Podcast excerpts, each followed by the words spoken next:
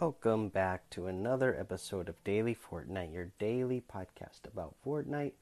I'm your host, Mikey, aka Mike Daddy, aka Magnificent Mikey. Some news today.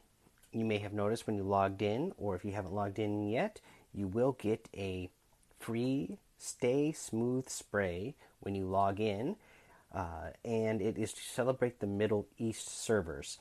So, pretty cool looking spray there. Uh, it's an animated spray and everything. So, pretty cool uh, celebration that they are putting out for finally getting those Middle East servers up so that those Middle East server players can play on a lower ping.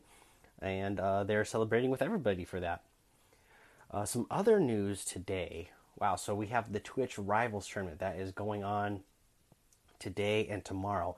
And just all around, you know, not good news when it comes to this. So the Twitch Rivals tournament, it's um, a four hundred thousand dollar tournament.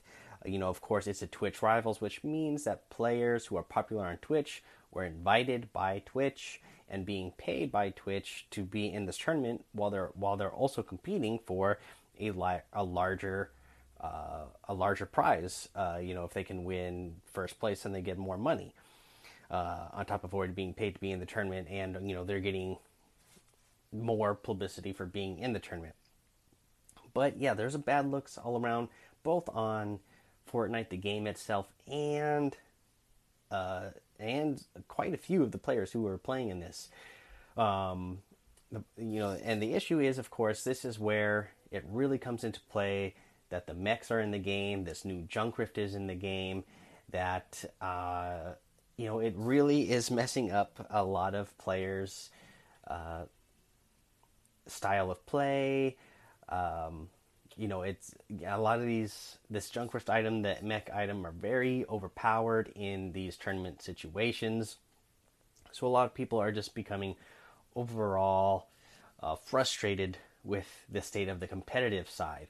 Again, you know, Fortnite has always said and are maintaining that it's more of just a competition uh, of the game and not so much that they're trying to be the most competitive. So I guess that's where the balance is coming out. But it's gotten to the point where a lot of people are boiling over so bad where there was quite a few players during the Twitch Rivals tournament today who dropped out and quit during the middle of the tournament, which is a really bad look on the game and the developers because if players are getting that frustrated that they're playing in a $400,000 tournament, which they are also being paid to be a part of and are also getting, you know, more views for being in the Twitch Rivals tournament.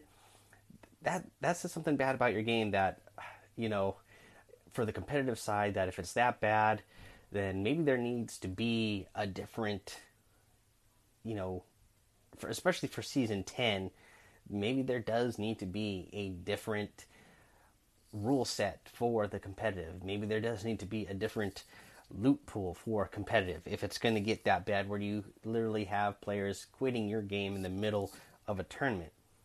Uh, on the flip side of that, boy, uh, you know, and I'm not going to throw names out there because there was quite a few players who quit, but uh, you know, and I don't want to throw anybody under the bus, but it looks really bad on people who were invited to this tournament uh, for really uh, quitting in the middle of a tournament that you're one competing for prize money and it's the you know you're you're supposed to be competitive. So you would want to i would think you'd want to win and be the best that you can no matter what.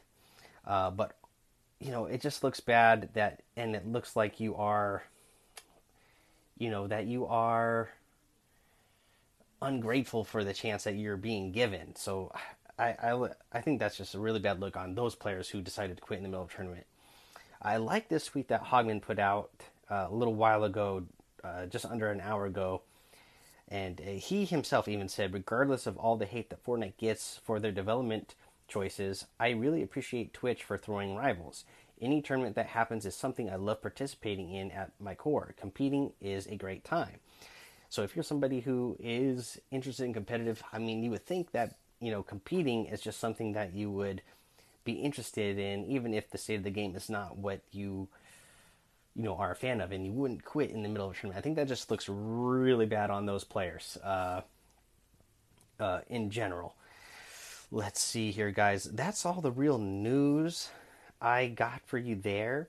Uh, the only thing that we'll cover before the break is a secret star. So the secret star for this week, it's going to be located at J3 on the hill. So if you look, that's in the jungle area. There's a hill there, and there's kind of like a uh, that used to be like a little tower. I believe that is a kind of like a solar panel thing that is there now, if I remember correctly. But yeah, that is where you're going to find the secret star on that hill. Alright, guys, now we will go ahead, take a little break here. When we come back, we will go over what's in the item shop today. Alright, in the item shop today, we got a really cool new outfit the Corrupted Voyager. I love that this new outfit of the Corrupted Voyager has an awesome mask. Looks really cool with the lights on the mask there. Uh, let's see here. We also have the Dark Bomber, an absolutely awesome outfit in the game. Uh, we have the Thunder Crash harvesting tool, the Dark Glyph glider, and a new Corrupted wrap as well, which is a really cool wrap uh, to go along with that outfit. Uh, we have the Flippin' Sexy emote, the Moon Bounce emote, the Slow Clap emote, the Crimson Scout outfit, the Scarlet Defender outfit, and uh, this White Dragon wrap is, is a pretty cool wrap as well.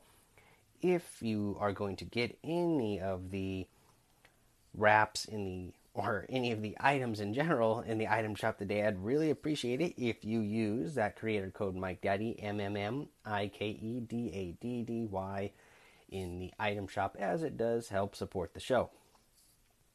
Now, uh, normally we would have a tip of the day here. Uh, I didn't play too much. So I don't I really have a tip for you today, uh, other than you know after watching a little bit of what I've seen in the Twitch Rivals tournament. Uh, yeah, I mean, definitely if you're playing in competitive, it's looking like you are gonna want to carry around those junk rifts because they are gonna kill players instantly. They're gonna kill those vehicles instantly. You get to see them a lot more in action today and just see how powerful those things are. Breaking down builds as well.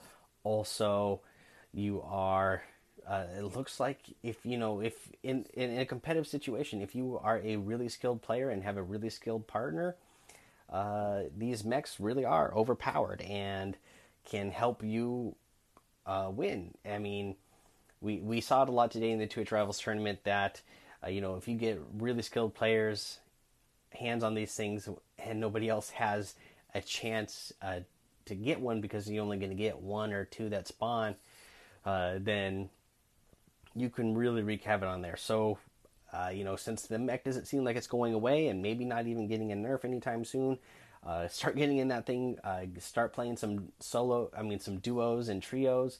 Start playing with your friends and get used to run around in that thing.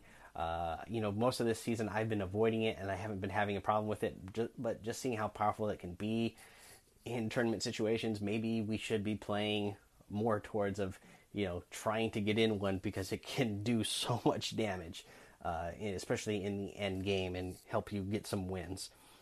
Alrighty, guys, that's going to be the show for today. So go join the Daily Fortnite Discord. Follow me over on Twitch and YouTube. Head over to Apple Podcasts, leave a five star rating and a written review for a shout out on the show. Subscribe so you don't miss an episode. And until next time, have fun, be safe, and don't get lost in the storm.